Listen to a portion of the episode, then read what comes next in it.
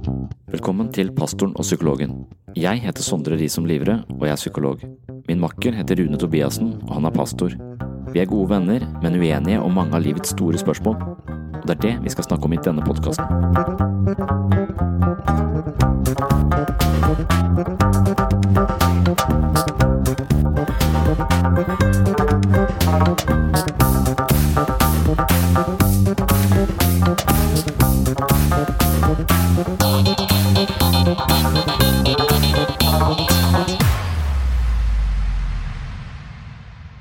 Ganske nøyaktig to år siden vi kom en oppdatering på denne podkasten.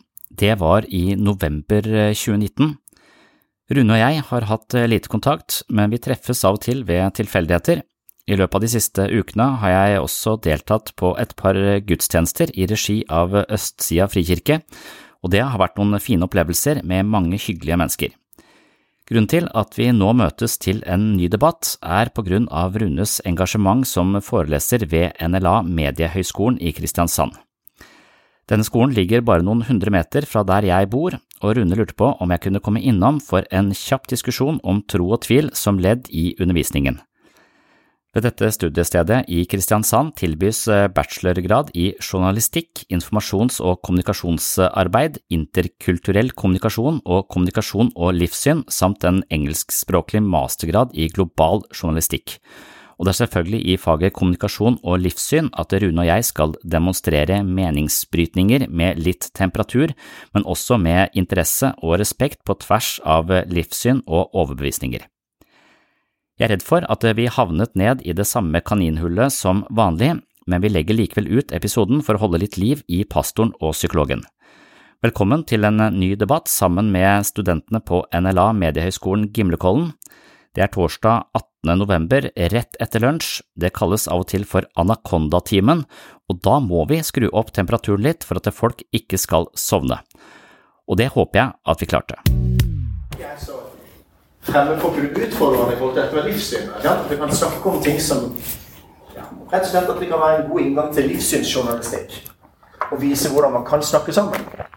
Eh, og da var bare litt tilbake igjen da jeg sa da at eh, at eh, når du skulle lansere boka di, som er 'Psykologens journal', en eh, søken etter mening med livet, en psykologs søken etter mening med livet, så inviterte du meg med, og så sa jeg bare at når vi da var sammen på en pub Han, han er veldig kjendis. altså Veldig mange har sikkert hørt om sinnssyn og webpsykologen.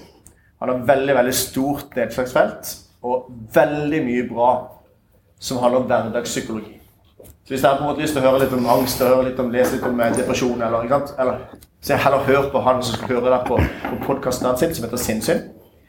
Eh, men fall så da tror jeg han trekker litt folk. Men det var ganske crowded. Eh, kanskje en sånn 50-100 stykker som måtte gå, som ikke fikk plass.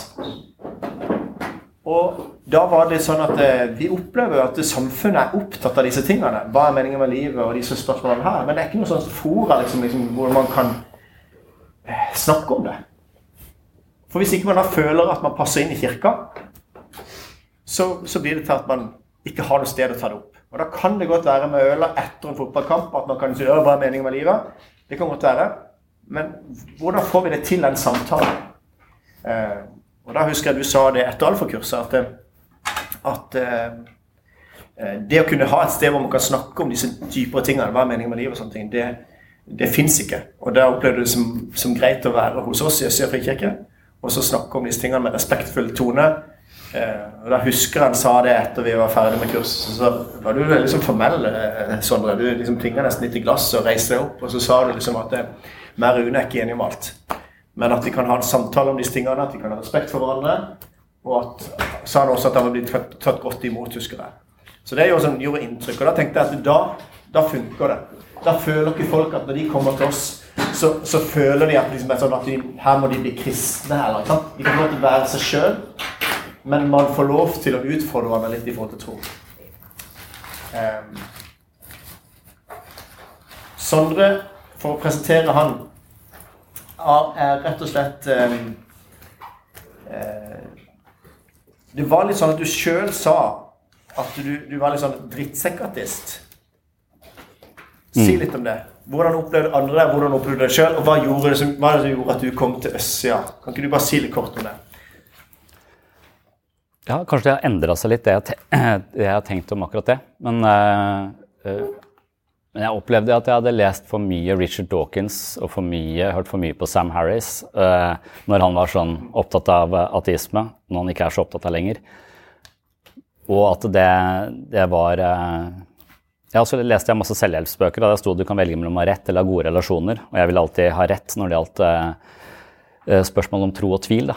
Så jeg tenkte at det var en av mine svakeste sider, og at det fort kunne bli ganske sånn ampert uh, i diskusjoner med meningsmotstandere når det kom til uh, tro.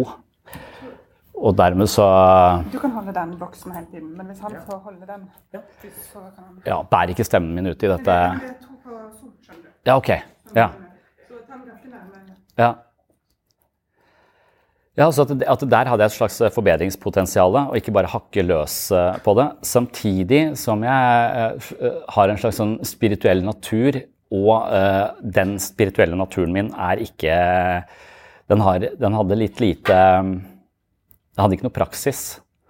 Uh, så, så, det var ikke noe så, så, jeg opplever vel også i dag at det er litt lite rom for Eh, for de mer åndelige sidene. For jeg syns vel at veldig mye av måten vi snakker på sånn, er liksom litt sånn utrangert av, eh, av, eh, naturvitenskap, og de vil ha svar, og, og, svar som kan skrives i stein. og, og jeg, bevis, liksom. Be, bevis ja. og, og, det er nok det som er hvis det er Min kritikk nå av, av, religion vil det være at de fortsetter det spillet selv. At de skal over på den banehalvdelen som handler om istedenfor at det handler om noe spirituelt. et eller annet, En eller annen historie som kan peke utover seg selv. En eller annen uh, historie som kan få meg til å føle meg Eh, litt liten i det store, men likevel forbundet med andre mennesker på like fot. altså Den typen spirituelle opplevelser.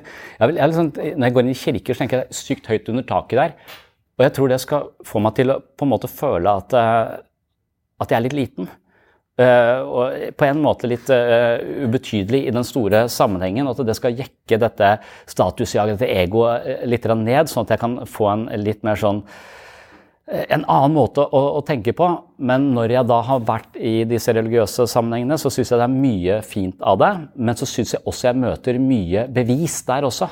At folk skal overbevise det er, så, det er så så mange som så Jesus, så, så, mange, så, så, da blir det plutselig at de spiller på den samme bevisførselen som jeg er eh, litt lei av, og som også er mitt eget fagfelt av psykologi, eh, fullstendig influert av.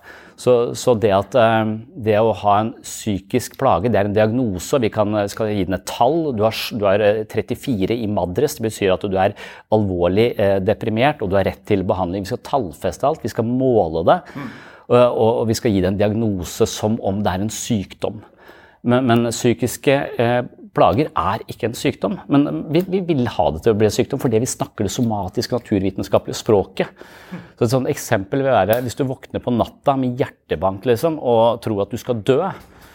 Eh, noe man gjør eh, av og til. Eh, så, så vil Kirkegård, som er en kristen filosof, vil si at det, du er hjemsøkt av en tjenende ånd som, som har oppsøkt deg nå på natta for å tvinge deg til å ransake sjelen din, altså gå litt dypere inn i ting. Eh, og, og, det er et eller annet valg du skal ta, det er et eller annet du har forsømt å tenke på. Du har levd for kjapt, du må stoppe opp litt, du må tenke deg om. Eh, hva er verdiene dine? Altså, denne, denne tjenende ånden som du, du, tror du skal dø, du våkner med hjertebank midt på natta og kaldsvetter. Mens, eh, og Måten Kirkegård snakker om det på, liker jeg. For det vi ville kalt det, er panikkangst. Gå til fastlegen din, få en medisin og få det vekk. Eh, og det er to helt forskjellige språkspill. Så det, det subjektive, det, det, det, språkspillet som stikker litt dypere, det som er litt nysgjerrig, det som ikke har svar. Og Hver gang jeg møter mennesker eh, innenfor tro som ikke har svarene, så er jeg med. Hver gang jeg får svar, det er bevist, sånn er det. Intelligent design, alle de tingene der sånn, da detter jeg. Eh, da syns jeg de ødelegger. Eh, eh. Det, jeg liker det. Jeg liker utfordringa. fordi at jeg kan nok gå i den fella. Det kan godt være at det... Vi to klasjer der. For vi havner nettopp der. Og, og, da forsvinner det spirituelle. Så jeg tror våre samtaler på en eller annen måte gikk i stå på, på det at, at, det ble et ja, det, det, det spirituelle, det, sø, det bevisførsel. Mm. Og det, det, det, da, oi, da forsvant mye av, eh, av, det viktige for meg. Ja. Interesting. Og det, det tenker jeg at eh, det skal jeg ta til etterretning. Og så tenke over på hvordan vi tenker kirke. For vi må jo rett og slett Jeg tror jo folk er jeg tror folk er åndelige, eller er søkende, på en måte. Det tror jeg jo fordi at det ligger i menneskets natur at vi søker etter disse tingene. Og hvorfor ikke heller bare være litt sånn trygg på at her har vi noe å komme med. Mm. Istedenfor å skulle gå inn på banehalvdelen på vitenskapelig og skal prøve å bevise. Mm. Um, men det er nok litt fordi at jeg også er skrudd sammen sånn at min vei til hjertet er gjennom hodet. Jeg, på en måte, jeg trenger å forstå ting, jeg trenger logikk. Jeg trenger liksom, Hvorfor er det sånn? Og så sette sannhet er veldig viktig for meg. Så derfor så blir det nok litt av at du har truffet meg også. Men jeg, jeg syns mm. det er en fin tilbakemelding til meg. Jeg skal tenke gjennom det, hvordan jeg kan få vekk det. Hvis du hadde vært på en vanlig gudstjeneste, så er det jo andre elementer som også vil være der. ikke sant? Det vil være bønn, det vil være at man synger sammen osv. Som gjør at man appellerer til flere felter. Mm. Men uh, ja, og det har jeg vært, og, og, der opplever jeg akkurat det. Så jeg sier ikke at det på noen måte er blotta for det, men, men jeg tror på, på, grunn av mine utfordringer også, måten jeg har vært på, så har du, uh, har du fått uh, den motstanden som har blitt besvart med, med, de, med de, svarene. Men jeg, jeg, jeg, tror at vi lever i en verden som er nesten sånn er fattig, sånn åndelig fattige. Og, og, det betyr ikke at vi nødvendigvis skal ha alle de store visdomstradisjonene tilbake igjen, men jeg tror vi kan bygge eh, på de, og at vi trenger et slags sånn, eh, litt mer sånn spirituelt element ved livet vårt. For nå har jeg jo vært litt opptatt av sosiale medier i det siste, og jeg var jo og utbasunerte min mistillit til Facebook på hos Fedrelandsvennen i går. Men, men, i den samme forbindelsen så er, så er, det noen som påstår at sosiale medier har, opererer som en religion. For det er en systematisk måte å ja, det, er, det er et stort system som påvirker eh, millioner av mennesker. Og religion er også den samme funksjonen. Det påvirker millioner eh, av, av, mennesker. Mens etoset i eh, sosiale mediereligionen er jo optimalisering. Du skal hele tiden få uh, bli sett. Du skal uh, optimalisere videoene dine så de er akkurat så lange at folk ikke klikker forbi de osv. Så, videre. så hele tiden så, så, vi henter jo på en måte selvfølelsen vår i andres bekreftelse, og det foregår på en sånn desperat måte online hele, hele tiden. Så vi blir det egosentriske, og vi blir også uh, hele tiden opptatt av å å optimalisere oss, noe som gjør oss til en ting som kan hackes på lik linje med alle andre. Så dette er en veldig sånn materialistisk uh, religion. Og det er det jeg kaller et objektspill. ikke sant? At det er om å gjøre bare få mest suksess, få mest likes, få høyest status. For min status representerer min verdi som menneske. Så det verdisynet som ligger der, vi assosierer vår egen verdi med hele tiden eh, disse tilbakemeldingene vi får i disse kanalene som kun eh, vil ha glansbilder og, og, og sånn som, som, verdi. Og det tror jeg gjør mennesker deprimerte. Jeg tror vi mister sjelen vår, for en ting har ikke en sjel. Det tror jeg vi er enige om. Eh, så, men vi blir mer eller mindre tingliggjort i denne uh, sfæren, og da tror jeg at folk ønsker et slags spirituelt rammeverk på en eller annen måte. Men så tror jeg dogmene uh, skremmer folk vekk, og jeg tror bevisførselen også skremmer folk vekk. Hvis man hadde kjørt på det, på det åndelige og, og, og, hatt mindre svar. Noe som jeg også kan finne litt i altså Jeg snakket med hun, Iselin fra Domkirken, og hvordan hun sier hvordan hun ser eh, hvordan hun sitter eh, og jobber på gata i Oslo, tror jeg det var, med, med noe fattig, og hvordan hun ser liksom Gud der sånn. Mm. Og så tenker jeg Ok, Da sitter du med mennesker, og du får en ganske sterk opplevelse at dette er meningsfullt. Og så setter du det inn i en fortelling, du setter det inn i en religiøs ramme som kanskje pumper enda mer mening inn i akkurat det som er, er der. sånn. Så det å ha de fortellingene til å ramme inn livet vårt eh, som, uh, som, måter å skape mening på, det er jeg veldig, uh, veldig begeistra for. Men jeg er jo fortsatt ikke troende. Uh, men, men jeg, jeg tror jeg fortsatt kan være ganske spirituell uten å ja, altså, jo, jo, mer metaforisk distanse vi kan ha til Bibelens fortellinger, jo mer er jeg på laget. ikke sant? Og Det er der vi skiller oss også. Vi kommer alltid på et eller annet punkt hvor jeg vil helst ha en metaforisk distanse til alt. Jeg vil se på dette, jeg vil forholde meg til Bibelen som jeg forholder meg til mine egne drømmer.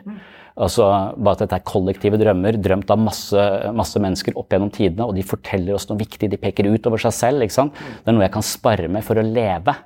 Eh, og, og, sånn sett så er det et, et fantastisk eh, verktøy.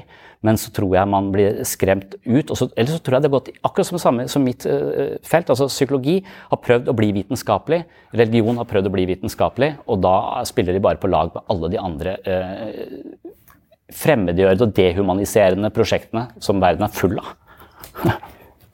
Interessant. Mm. Jeg syns det er kjempeinteressant. Og jeg synes det, det, er veldig gøy også å se at vi kan plutselig bli et menneske som kan bli, bli hacka.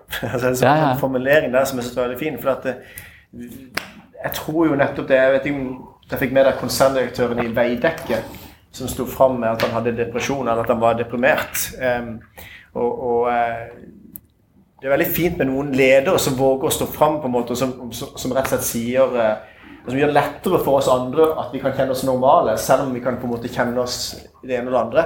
Um, men da spiller han nettopp på dette, med at når han da står fram med det, så legger han ut historien. Og likevel, det som på en måte er driveren, er hvor mange likes. Hvor mange er det som har delt dette her? Hva er det som ikke, sant? Og så får han en rus. Mm. Og som i neste omgang så begynner han å tenke altså, så, så, går han rett ned i kjelleren igjen. Fordi at uh, den var ikke evig, akkurat den rusen der. Eh, og dette altså Vi er klar over hva som egentlig skjer i samfunnet, hva som på en måte blir viktig for oss, hva vi styres av. Hvilke verdier er det som preger oss og handlingene våre. Uh, det er virkelig til ettertanke. Og det kan vi også utfordre journalistene på. Er det clickbaits, eller er det på en måte uh, Clickbaits, er det det heter? Clickbaits, ja, Poenget er at det er jo veldig mange ting som er mye lettere å formulere litt satt på spissen, sånn at man får trykk, istedenfor faktisk å være konsekvent i forhold til hva som uh, Eller være lojal mot den som du intervjuer, osv.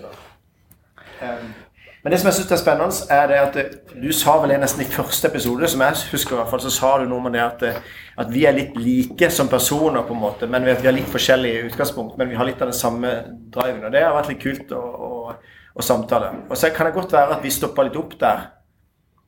Nettopp mm. fordi at vi på en måte tok inn det vitenskapelige i tro og skulle prøve å systematisere det. Mm.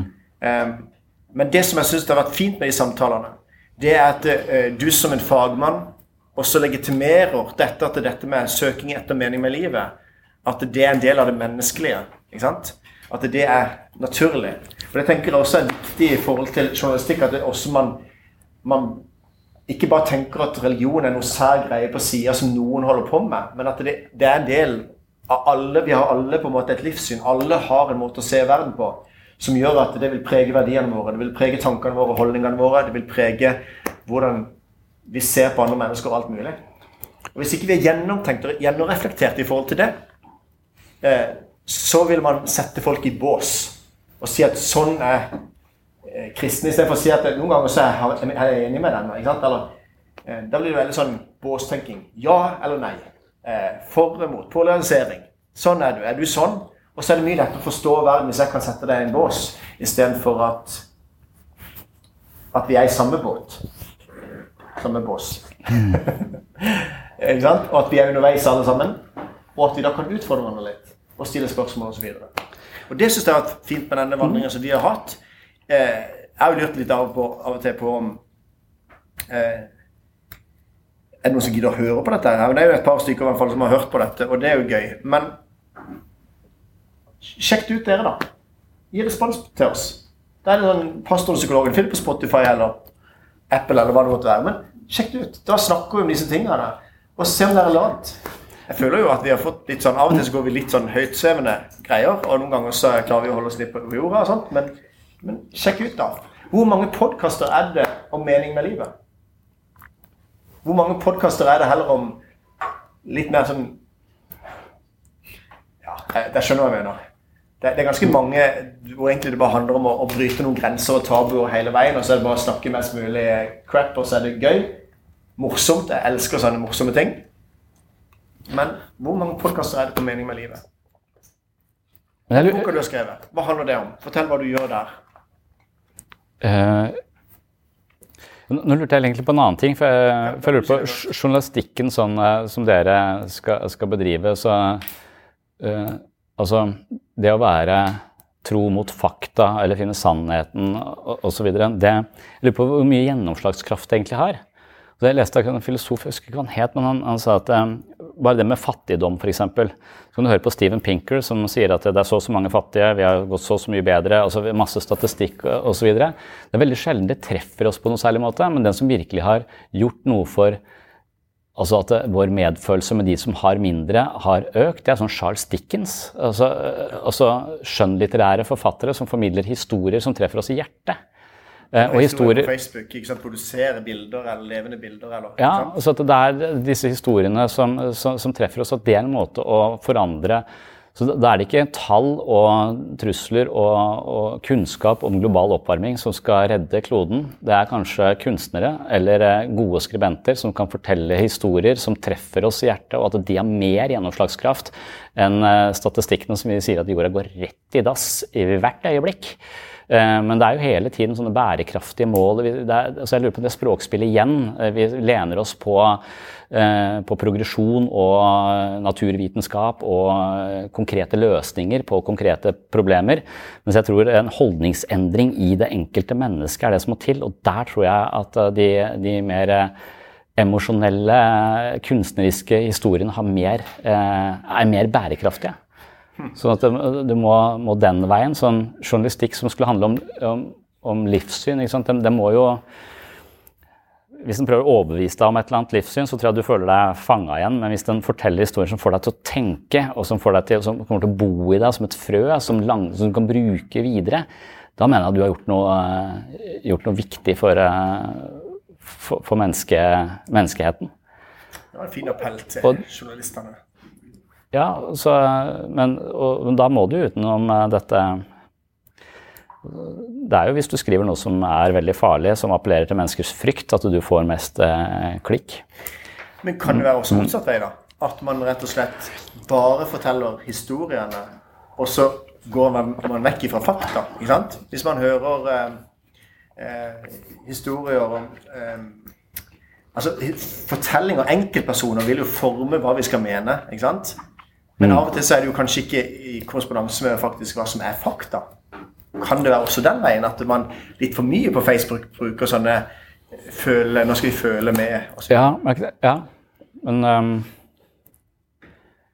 Jeg vet ikke helt hva jeg mener med det, om det, men, uh, men jeg bare tenker på det, det, det er som den uh, altså, Livet vårt styres ikke nødvendigvis av fakta, det styres av historiene vi forteller. Og historiene vi forteller, de, uh, de lever vi etter. Så det er de som former alle opplevelsene våre. Så, så vi, vi, konstruerer jo, vi setter ting inn i en type sammenheng. Da.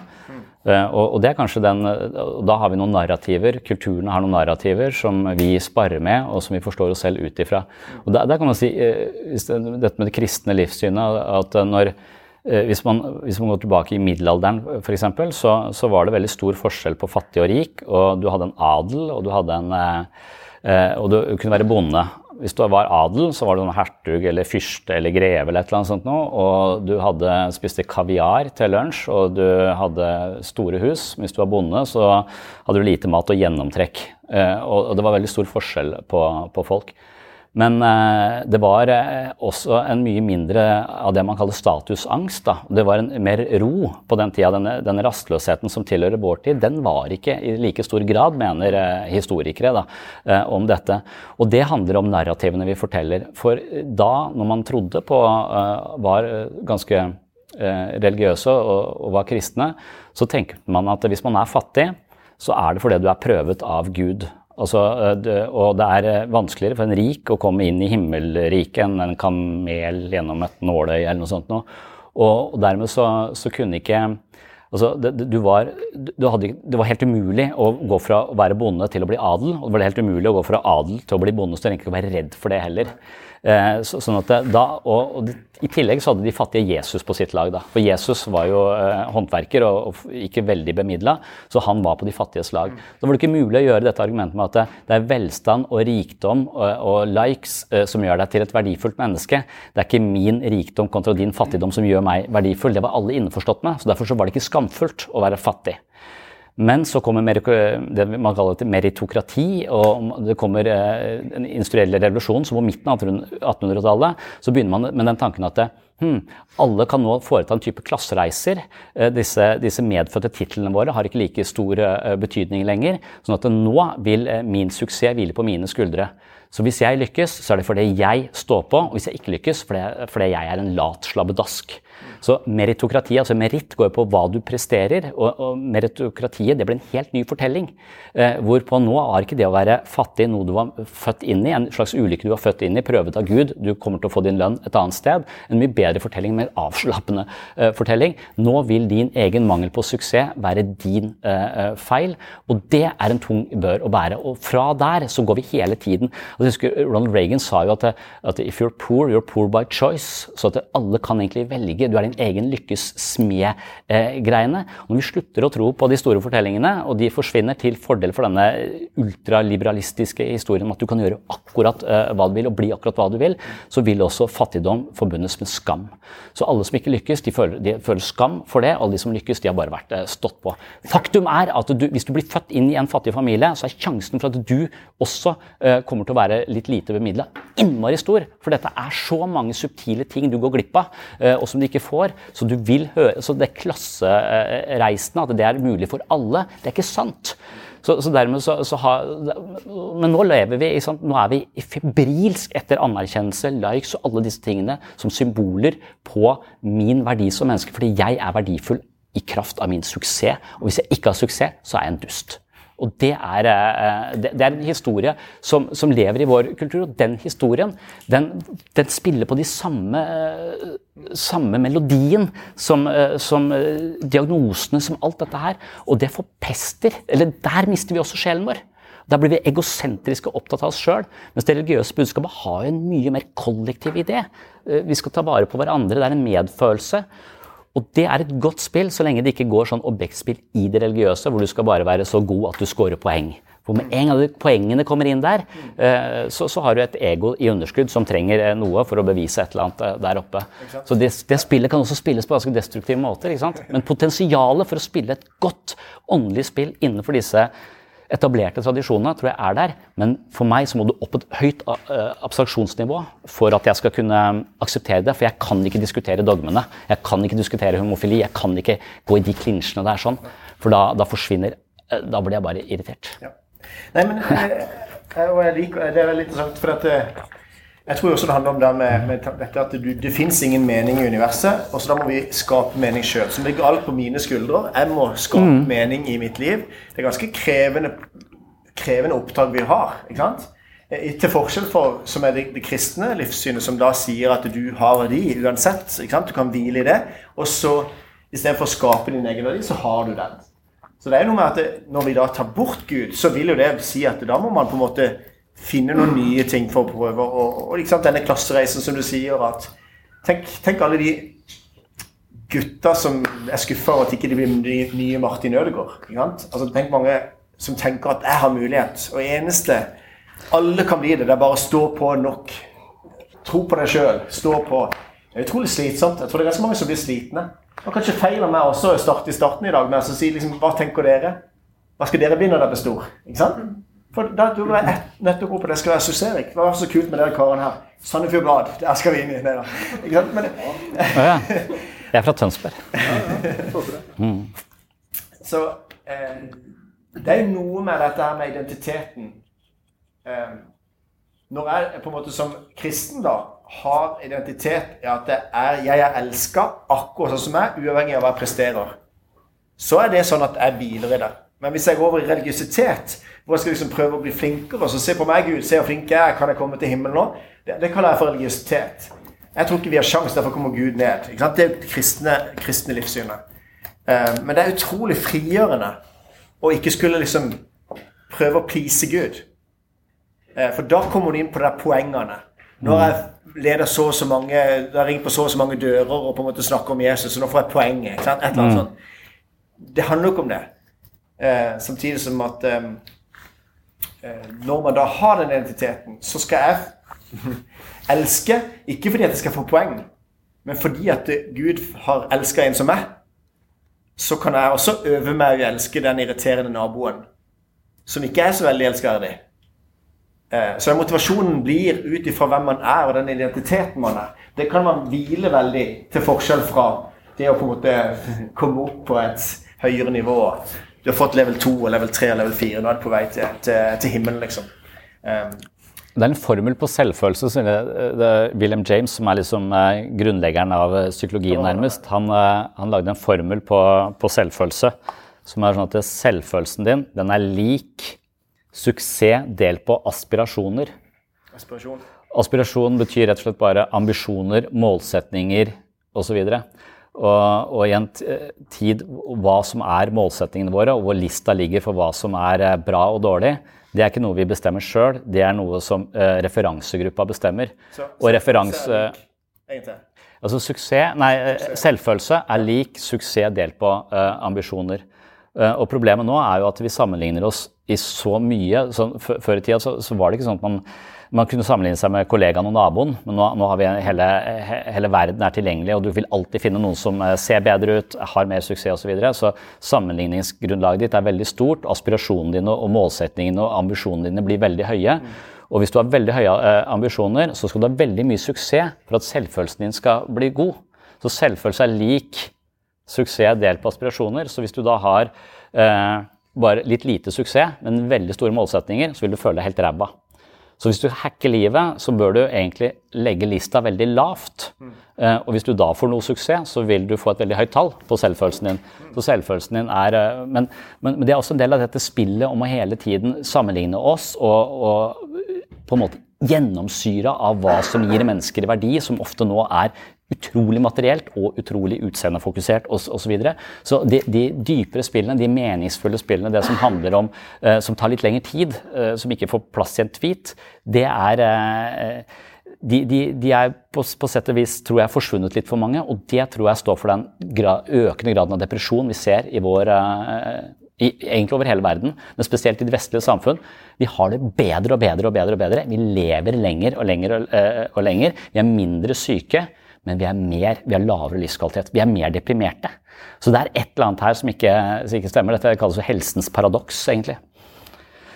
Dette er veldig interessant. Og så har jeg lyst til å ta det over litt mer på, på dette som handler om, om eh, For det, det du sier, er egentlig at eh, religionen kan bidra inn. Jeg tror den kan spille en viktig rolle, hvis den formidles på en god måte. Ja. Jeg utfordrer deg til å, å komme på sånn en altså Verdens helsedag. Det var 10. oktober et eller annet sånt i år, så, så utfordrer jeg sånne mm. til å komme i menigheten vår. Og, og, ikke at vi bare har den diskusjonen, men rett og slett bare se på ok, da sa du det at du kunne gjerne fortelle hva religion gir av positive ting. ikke sant? Og fortelle mm. litt av det som det bidrar med. For Hvis vi bare ser det som at det handler om å et, eh, at det er sannhet, da At du, enten så tror du det, eller så tror du det. Eh, så kan det godt være at vi på en måte er på feil, feil område. men religion bidrar på et felt. Og det har du snakka litt om nå. Du har litt om mm. alle de plussidene ved mm. religion. Alle plussidene ved å ha på en måte et større uh, ja, bilde, da. Uh, Hvorfor er du ikke religiøs sjøl? Nei, for at jeg, Eller er du religiøs? Min sånn favorittforfattertenker uh, er Joseph Campbell, som som på en måte lodder dybden i historie for meg. Og så jeg ser det handler om det, og så ser jeg nei, nei, nei. Drager handler om egoet ditt. Drager de samler på gods og gull og jomfruer. Du kan ikke bruke noe av det. Eh, så det er et bilde på en mentalitet. sånn at Han, han, han peker meg liksom hele tiden videre i, eh, i historiene. Så, eh, så, jeg, etter det der prosjektet med å prøve å bli kristen, på sett og vis, så, så endte jeg vel opp med at jeg tenkte jeg skal melde meg til statskirken. Men det gjør jeg ikke. Jeg skal ikke melde meg ut av statskirken, jeg bare skal lytte på en annen måte. Eh, jeg skal bare lytte med et annet øre. altså bare Hva, hva slags fellesmenneskelig kunnskap ligger forankra i disse fortellingene, som jeg kan dra veksel på som en slags motvekt til, eh, til eh, alt det overfladiske. Og dermed, så, og derfor er jeg så redd for at religion blir overfladisk hvis den skal spille på den der andre altså Märtha Louise for meg er liksom hm, Interessant at du bruker engler som en metafor, hvis det er en metafor. Hvis engler er en metafor på indre styrke, en tro på at du ikke er aleine i universet, følelse av, av, å høre til. Hvis det er englene, så helt greit. Men idet englene kommer med sånne der fjær som faller ned fra taket på kurset hennes, så da er du på en helt annen banealder. Nå er englene fysiske vesener som kan DNA-testes. Det er en missing link mellom, uh, mellom engleverden og menneskeverden. Utrolig interessant. Da har du pirra de forskerne som driver og DNA-analyserer ting, hvis du faktisk har englefjær som ikke er fra Jysk. Og, og, og det, er nettopp det altså, så, så, hun, Jeg kan ha så mye respekt for henne idet hun spiller, spiller, på det åndelige, men en gang skal prøve å bevise det eller gjøre det til noe objektivt sant. uh, så, så har du så dabber det for meg. Ja, du, du spiller på en mye stussligere banehalvdel. Jordan Peterson liker du godt. Ja, ja jeg syns han er ja, Men altså, men du har brukt han litt i forhold til hvordan han da tar utgangspunkt i f.eks. bibelske tekster. Ja. Da er det litt sånn du på en måte ønsker å lese det mer. At her kan du lære noe av det. Du kan lære noe av de ulike fortellingene. Og så er det på et høyere nivå enn bare Han er virkelig en religiøs mann som jeg er litt skeptisk til bare pga. måten han er på. Ja. Men måten han forteller på, eh, appellerer til meg. Måten han snakker om det, måten han peker meg i nye veier i eh, bibelfortellingene, er eh, eh, fa veldig fascinerende for meg. Mm. Jeg tenker litt den biten da, som går på da med, med Jeg, jeg utfordrer deg jo det fordi at da kan du liksom ta et eventyr som du tar det på samme måte. For det er også en kollektiv historie som blir fortalt, og så kan vi få like mye ut av et eventyr som en, altså Guds ord. da, ikke sant? Og Derfor så synes jeg at eh, Jeg nevnte vel det også i stad, med tanke på at det er naturlig åpenbart. Du kan se rundt deg, du ser at det er nødt til å være noe mer mellom himmel og jord enn det de kan forstå. Og så trenger vi en spesiell åpenbaring som sier Her er Det var jo det vi sa litt, at det, her er Gud. Eh, Jeg snakker et språk som jeg skjønner, osv. Det kalles for den spesielle åpenbaring. Jeg tenker at Bibelen er den som forteller hvem Gud er, når ikke vi kan se ham. Derfor så blir det en ting som blir sånn, en ting mellom meg og deg som gjør at eh, du kunne vært kristen hvis du kunne lest det på den måten, holdt jeg på å si. Men, men da skjønner ikke jeg hvorfor man skal bare holde seg til Bibelen. Da vil det være alle tekster. Da vil det være det andre fortellinger om drager og, og så videre.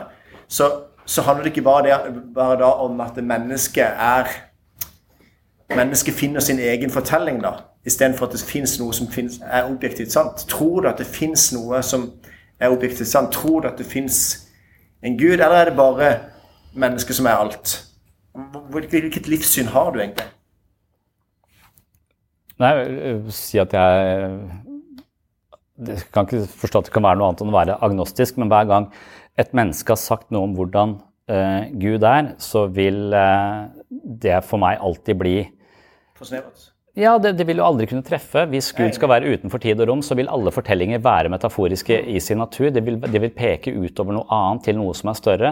Og den bevegelsen ut mot noe som er større enn meg selv, den, den syns jeg er eh, fin, for den tar liksom huet ut av min egen ræv, på en måte. Og at det, be, det kan bevege meg litt. Og, og, og det, det, det, liker jeg. Men jeg føler nok at jeg mangler en tiltro til at det fins en en gud. Jeg tenker at det fins masse, eh, eh, masse kreativitet, kjærlighet, spiritualitet, ikke-materielle størrelser som hører til uh, det menneskelige. og at det. Altså, hvis du tenker naturalistisk univers, er jo det på en måte et lukka univers. Det er kun maskineri. Ja. Det er kun uh, Og jeg tenker at det, det, det, det Jeg holder en mulighet for at det kan være av en metafysisk størrelse.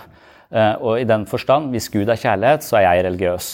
Eh, sånn at det, det, jeg, jeg, Hva er bevissthet? Muligens eh, et slags metafysisk ting som eh, Eller ikke ting, en metafysisk størrelse som, eh, som opererer sammen med det, det, fysiske. To helt forskjellige banehalvdeler. For du ser at du måte dekker Vi kan ikke bevise alt. ikke? Det går ikke an å bruke alt på formen natur, naturvitenskapen gir oss. Så du Ja. må på en måte du, er åpen for at det fins kjærlighet, det fins måte noen størrelser som ikke kan bevises vitenskapelig. Og det fins noe her. Men, men hvor kommer det fra? Hva er det? Altså, for eh, Det er én ting å være på en måte kritisk til at jeg tolker Bibelen som at det er Guds ord, at Gud har åpenbart seg. Men så vil jeg utfordre tilbake og si ja, men hvordan begrunner du da fri vilje, eh, selvbevissthet, kjærlighet, alle disse tingene? Hvis ikke Gud er der, så blir jo det bare noe som vi tror og føler og tenker, og ikke er reelt. Det er bare en illusjon. Ja, der er jeg agnostisk. altså En som heter David Chalmers mener at uh, f.eks. bevissthet kan være et eh, ikke oppdaget, eh, ikke-materielt grunnstoff. Så at bevissthet er noe som alltid har eksistert, som materialiserer seg i, eh, eh, i verden. Og det er materialisering igjen. Ja, ja men be bevisstheten eh, nei, nei, ja, men be bevisstheten er noe som eh, en ikke-materiell størrelse som tar bolig i materien. Så det vil si at alt som lever, har en grad av, eh, av bevissthet i seg. Og når materien dør, så vil bevisstheten eh, gå over Litt mer buddhistisk tanke. ja, det er en veldig buddhistisk tanke. Så jeg ligger mye nærmere enn en buddhistisk. Døra står nok mer på gløtt for meg når det gjelder buddhisme eller en del av de ideene der, enn det gjør Reinkarnasjon er, virker mer sannsynlig for meg enn eh, enn, eh, et himmelrike, f.eks. Ja, for du tenker at det skal være en himmel til evig tid? At, at, du tenker at de kristne tror at det skal være en himmel til evig tid hvor vi skal være på skyer og, og, og spille harp? Dere er veldig uklare på hva dere tenker eh, om akkurat det der. Eh, så, så, det, så det og, igjen så tenker jeg at det er ikke en, en, en tilstand som psykologisk sett er mulig. En, en, en, godhet uten godhet i forhold til noe som ikke er godt. Det vil, ikke, eh, vil vi på en måte ikke det hadde ikke, hvis det bare hadde vært lys, så hadde det ikke vært noe, da hadde ikke natta, eh, da hadde ikke natt vært et konsept. Så hvis noe skal være godt, så må det være godt i forhold til noe annet. Så hvis det skal være en utelukkende godhet, så vil ikke vi legge merke til det.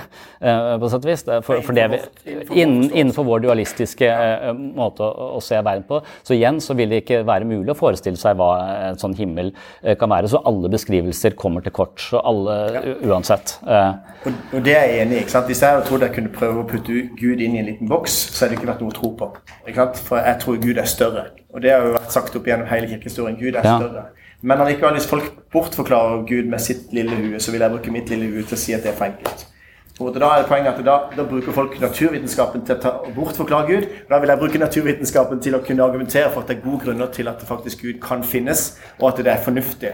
Og Det har nok gjort at jeg har hengt meg litt opp i den vitenskapelige greiene og prøvd å gi i hvert fall komme fram til at det er like fornuftig å tro på en gud som at det ikke å tro på en gud. Hvis vi er enige om det, og så kan vi overlate det også til andre ting. Ja, men Da er vi tilbake, da havner vi i det samme hølet igjen. For da er det sånn at ok, han, han er eh, på en eller annen måte intervenerer i verden. Han uh, ligger bak alt sammen, og han mener noe om seksualitet. Altså Med en gang noen mener noe om seksualitet så, uh, Du så, mener noe om seksualitet, gjør du ikke det? Ja, men jeg er et menneske.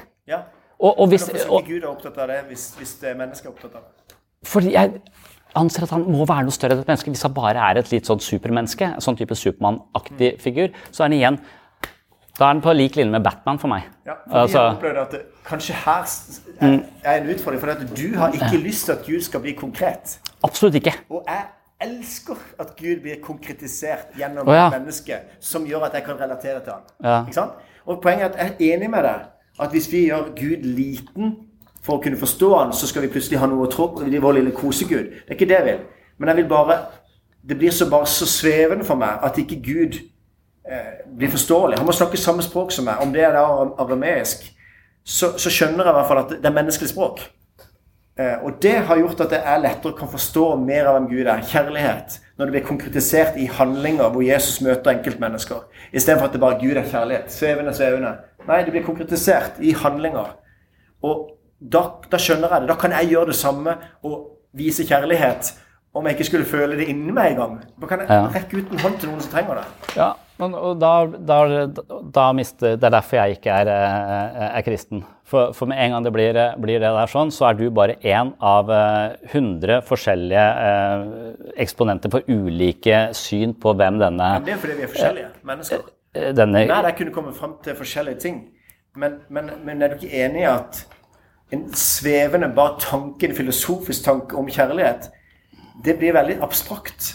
Men med en gang den kjærligheten blir konkretisert i konkrete handlinger, så opplever jeg at det blir faktisk noe som for, for, meg så er dette her skadelig. for Jeg, jeg syns det er sånn parallell til, eh, til, til, psykologi. altså at når, eh, følelsen, når vi ikke kan behandle følelsene våre som noe vi kan tenke over, noe abstrakt, noe vi kan forstå, eh, altså vi kan flytte, så, så, blir følelsen noe vi kutter oss i armen, eller som sitter i hjertet som hjertebank eller vondt i magen. Med en gang det blir konkret, så blir det smerte i kroppen. Med en gang vi, løfter, vi forstår vår egen følelse, kan sette ord på det, så løfter vi det fra, eh, fra kropp til eh, metafysikk. Vi kan forholde oss til, oss, eh, til følelsene våre metafysisk, så vi går fra, eh, fra det konkrete til det abstrakte.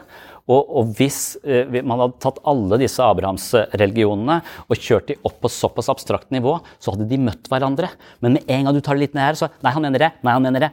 Bang. Og der er krigen. Så hver gang du løfter Gud ned på det nivået jeg opplever at du av og til gjør, så, så, så setter du opp skillelinjer mellom det og det og det, og det, og du legger grunnlaget for krig. Det motsatte av kjærlighet. Hvis du hadde klart å løfte det, så mener jeg at vi kunne fått en, en overordna eh, fortelling som vi også, Hvorfor ikke bare eventyr? For Hvis vi har en overordna fortelling, hvis Gud og alle disse her er i, i, i familie plutselig, og, og, så har vi en felles sted å spare mot, vi har felles, eh, en felles historie istedenfor at Netflix sine algoritmer bestemmer hvilke filmer jeg ser, og du ser andre typer filmer, så har ikke vi noe felles referansepunkt lenger. Så bindes vi sammen av de store fortellingene, og dermed skal vi fungere som en helhet, en global global helhet. Så må, håpet mitt er at det kan komme så høyt opp og så abstrakt at det ikke er mulig for krig lenger. Eh, og fortsatt du- være Nå har du ja. en, en absolutt holdning om at alt bør være relativt. Ser du det? At du, hvis alle hadde sett det du har sett, så ville, Eh. så vil det blitt fred i verden. For at du inntar en holdning som sier at alle regioner er egentlig det samme. Hvis vi bare gått opp på et litt mer abstrakt nivå, så ville vi sett det at vi egentlig alle tror på det samme. Og Da har Mm. du en eksklusiv holdning som sier at du ser det fulle hele bildet. At alle religioner fører til samme mål. Mens jeg hevder at én sannhet er sant, og en annen hevder en annen, så sier du ja, men hør, folkens. Dere må bli enige, for alle tror egentlig det samme. Og da, da inntar du en holdning hvor du ser det totale hele bildet, og har like eksklusiv Du gjør like mye krav på opp, å fortelle at du har funnet sannheten med stor S. Jeg eh, tror det er mer sannsynlig at eh, alle er inne på noe, enn at eh, en av disse aktørene har rett. Ja. Så, jeg eh, tror så at alle er inne på noe, men jeg tror at det finnes en sannhet som vi eh, min holdning er ikke ovenfra. Jeg bare mener at eh, hvis alle dere er inne på noe, så må dere bare fire på noen av de bombastiske, f.eks. seksualiteten, alle disse tingene. Hvis dere hever dere opp over det, så vil dere kunne møtes på et, på, på et annet plan. Men med en gang dere mener noe veldig bestemt, som noen annen mener noe annet bestemt, så har du lagt opp en skillelinje. Så, sånn er det liksom med, med, med alltid. Hver, hver gang du setter opp en strek så, så, Ser ikke du at du setter opp en mm, strek nå og lager en skillelinje, så at vi blir uenige og få en diskusjon? For hvis vi da Men- men- Du hevder noe men- konkret, du gjør, men- men, ikke okay. skal bry seg om seksualitet. Så det er også en holdning. Så hvis man ser på, hvis man ser på verdenskartet, da, og hvis man tenkte at det, hvis vi kunne fungert som én stor enhet, Ja. så måtte vi tatt vekk linjene mellom Norge og Sverige og Danmark, så hadde vi fått Skandinavia. Så, så hadde vi fått mindre trøbbel innad, for vi hadde følt oss som, eh, som likere. Vi hører til den samme klubben. Ja. Og jo flere sånne skillelinjer du tar vekk, jo større sjanse er det for at gruppa kan fungere eh, sammen, Mm. istedenfor skillelinjene mellom eh, ulike land, som er overhodet ikke Som du tenker at Hvis det hadde skjedd, så hadde vi blir Men jeg skjønner ikke hvordan du sier at jeg setter opp flere streker når jeg mener jeg tar vekk streker. Jeg, jeg, jeg tar vekk skille, eh, skillelinjer, du setter de opp. Så er det, er det å sette opp en ny skillelinje og ta vekk skillelinjer? Ja. På en måte så vil det være det, for at du sier at du har funnet sannheten med at det er sannheten at alt er like sant. Jeg mener ikke at det er sant, jeg mener at det vil være altså- mindre, eh, mindre krig. Hvis vi eh, kunne abstrahere fra konkrete måter å forstå Det ting vil på. være en buddhistisk tankegang. Hvis vi bare ser at du og meg er en del av samme guddommen som stolene vi sitter på, alt er en del av samme gud. Hvis vi innser det, så blir det fred i verden. Ja. Så vi må bare få folk til å skjønne at vi er en del av samme. Dette er en pantistisk tankegang som gjør at eh, hvis vi bare får opplyst folk om det, så blir det fred. Men det vil jo allikevel være sånn Hva er da det onde? Hvis det onde er like mye del av oss som det gode, og alt er en suppe hvor alt er Gud For meg så er det onde eh, grensene. Hver gang du setter opp en grense, det er riktig, det er feil, så har du, satt, eh, så har du putta ondskap, da har du putta konflikt inn i verden. Så hvis du setter grenser for dine barn, så setter du ondskap inn i verden. Nei, men det- blir på et annet eh, nivå. Ja, men men det eh, Når ja. det er konkret med grenser, så det, handler det om beskyttelse. Hvis jeg snakker med ateistiske eh, venner som på en måte om, om eksempel, konkret som du snakker om sex, da, så, så blir de veldig konservative overfor sine barn. De har lyst til å sette grenser for sine barn for å beskytte dem. Og sånn tenker jeg at når Gud er konkret, elsker oss, ønsker å beskytte oss, så setter han grenser for oss for å gjøre det Ja, for å beskytte. Ikke for å være kjip. Det kan godt hende han har gode hensikter, det er bare det at han ikke eksisterer. Eh, Men, eh, men altså, For andre guder ville satt andre grenser, ikke sant? Ja. Eh, Så da er vi jo Ja. Men du ser poenget er at grenser kan ikke bare være ondt. ikke sant? Så ja, et spørsmål. Ja, jeg bare, sånn som du sier med at eh, hvis man tar vekk grensene, så blir det et større fellesskap. Men det føler jo jeg er litt ønsketenkning, da. Fordi at eh, sånn som du sier, da, at du har din realitet, og jeg har en helt annen realitet.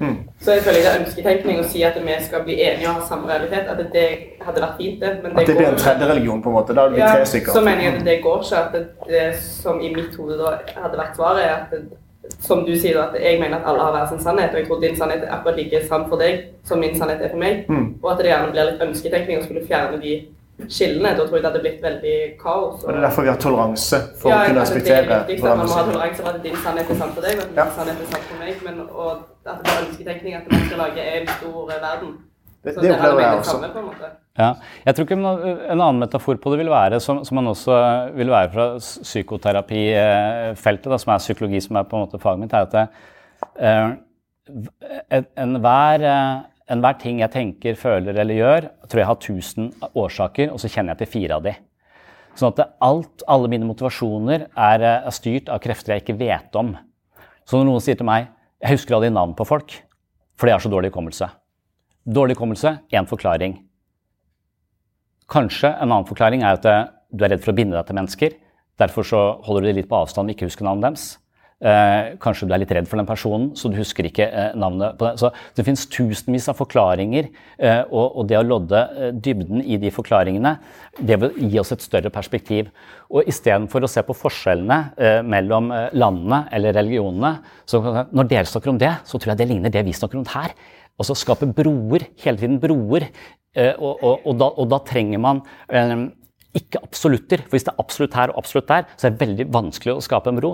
Men hvis vi kan se litt løsere på det, så vil broene mellom ulike konsepter eh, bli, bli, lettere å forene. Vi eh, kan ikke tenke helt likt, men vi kunne forent oss på en annen måte. I en felles forståelse. Og Jo mer konkret du gjør det, jo vanskeligere blir det. Jo mer abstrakt du gjør det, jo lettere blir broene. Men hvis jeg sier det er ikke lov til å si at noe ikke er lov For jeg føler at du sier det. Ikke sett opp eh, Altså, du sier 'ikke sett opp grenser'. Lag broer, sier jeg isteden nå. Ja, Lag broer. Poenget er bare at det blir en sånn en, en, det blir en relativisme hvor alt skal bli like sant. Og det er en like, like eksklusiv holdning som å si at én del er sant. Nei, Jeg mener ikke at noe er sant. Jeg, jeg mener at sannheten er utilgjengelig.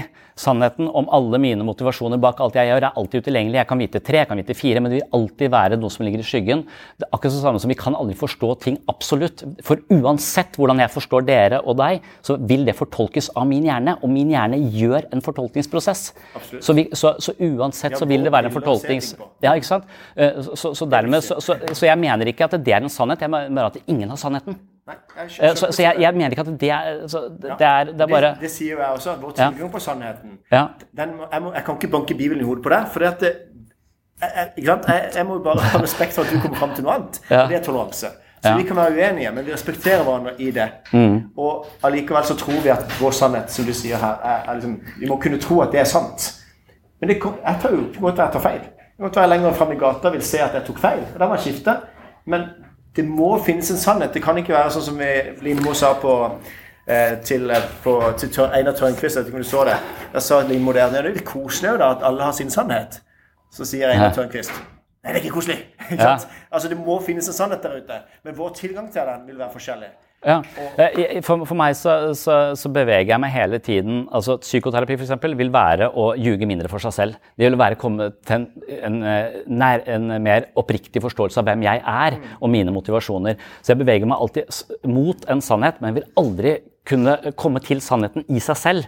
Sannheten i seg selv er alltid utilgjengelig, for vi alltid fortolker. Men vi kan ha mer eller mindre gode historier som presser på. og dermed så må man, Mitt mantra er at alt du tenker å føle, er feil. Så uansett hva du mener å vite nå, så vil du alltid bli utsatt for et nytt perspektiv som stiller den kunnskapen i et litt annet lys. Dermed så vil eh, en absolutt sannhet alltid være eh, et, eh, for meg fundamentalisme, og fundamentalisme fører til krig. Eh, og så var det egentlig bare mitt poeng at jeg føler det synet du også kan være fundamentalistisk. Husk å bruke de ordene. Men, da, men da er jo relativisme fundamentalistisk. Og ja, da, det, det kan bli det. Hvis det blir, da blir det toleransens intoleranse. At du må mene det. Men ok. Ja, men da mister, da mister språket sin betydning. Ja, men det har de gjort i samfunnet i dag. For du kan ikke si at noe er sant. Ja, hvis, sier, hvis, man er relativist, så kan det ikke være fundamentalist. Det er to, det er to da, hvis, hvis, du har bytta innhold i ordet så, så det betyr noe annet, så må vi finne et nytt ord, da. Ja, men poenget hvis du sier sannheten er relativ, så sier du det med absolutt sannhet, så vil det på en måte slå igjen. Men du var enig i det. Sannheten er alltid utilgjengelig for oss fordi vi alltid fortolker den. Den vil alltid være en fortolkning. Til og med kvantefysikk og er en At alt er like sant. Det er en sannhet. At Jesus er sannheten, og buddhismen er sannheten. Alle disse, mm. og så respekterer vi hverandre. Ja. Jeg må på inntak, jeg tror jeg. Tatt en kaffe, eller? Du, nå er det rett og slett sånn. Eh, sånn på det. Ja. Jeg lærer alltid mye av det. Ja, det er veldig spennende. Og jeg tenker egentlig sånn at eh, Nå har jeg fått lov til å se en samtale eh, som man kan ha, men være uenig. Men finne noen ting som er like. Lytte til hverandre, få respektfull samtale. Gå fra hverandre, og så tar hverandre i hånda og sier takk for samtalen. Ja, takk for samtalen. Og så Men jeg betrakter dette som en form for tenniskamp også, øh, så jeg blir litt sliten av det, sånn som jeg blir i tennis. For tennis, da prøver jeg å vinne. Så, så det er litt gøy òg. Så, så ja. Takk for tenniskampen. Det Ja. var veldig gøy. Og så tar vi pause til klokka er fem på halv, og så har vi 35 minutter sammen til slutt. Er det greit? Ja. Flott. Ta deg en kaffe. Hils på Sondre. Og, ja. Ja, det var eh, den eh, debatten, eller krangelen, eller diskusjonen, eller hva man eh, skal kalle det. Hva man kaller det, kommer kanskje litt an på hvor høy temperatur man er vant til og tåler, og hva man syns er innafor. Vi hadde det i hvert fall ganske gøy. Jeg hadde det gøy. Det er stimulerende å prate med, med Rune. Og ja, det vil ikke komme sånn veldig mange nye episoder på denne podkasten sånn fortløpende, men plutselig så dukker det opp en, så pass på at du abonnerer og liker og deler og alt det der. Hvis du liker det du finner her på Pastoren og psykologen, så er det veldig fint om du anbefaler podkasten til venner og bekjente osv. Og jeg har også en podkast som heter Sinnsyn. Der diskuterer jeg også en del av disse spørsmålene. Den handler egentlig mest om psykisk helse, men innimellom så treffer jeg meningsmotstandere og har samtaler av denne typen her. Jeg har blant annet snakket med presten i domkirken her i byen, Aud Sunde Smemo. Jeg har også hatt eh, flere samtaler med mennesker fra andre typer eh, livssyn, men da fortrinnsvis eh, rundt eh, spørsmål som har en eller annen psykologisk eh, relevans. Men eh, livssyn har jo en psykologisk relevans, derfor så er det en tematikk som også går igjen på denne podkasten som heter Sinnssyn. Så hvis du liker det du hører her, så kan det hende du også vil like sinnssyn, så sjekk det ut. Det var det vi hadde for eh, denne gang, så heng med. Plutselig så dukker det opp en ny episode her inne på Pastoren og Psykologen også. Podkasten er i hvert fall her, så da har vi muligheten. Shalabais. but it has done things to your soul. Your soul. Nothing. Nothing whatever.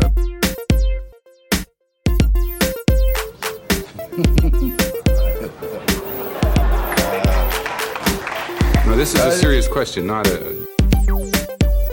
Nothing.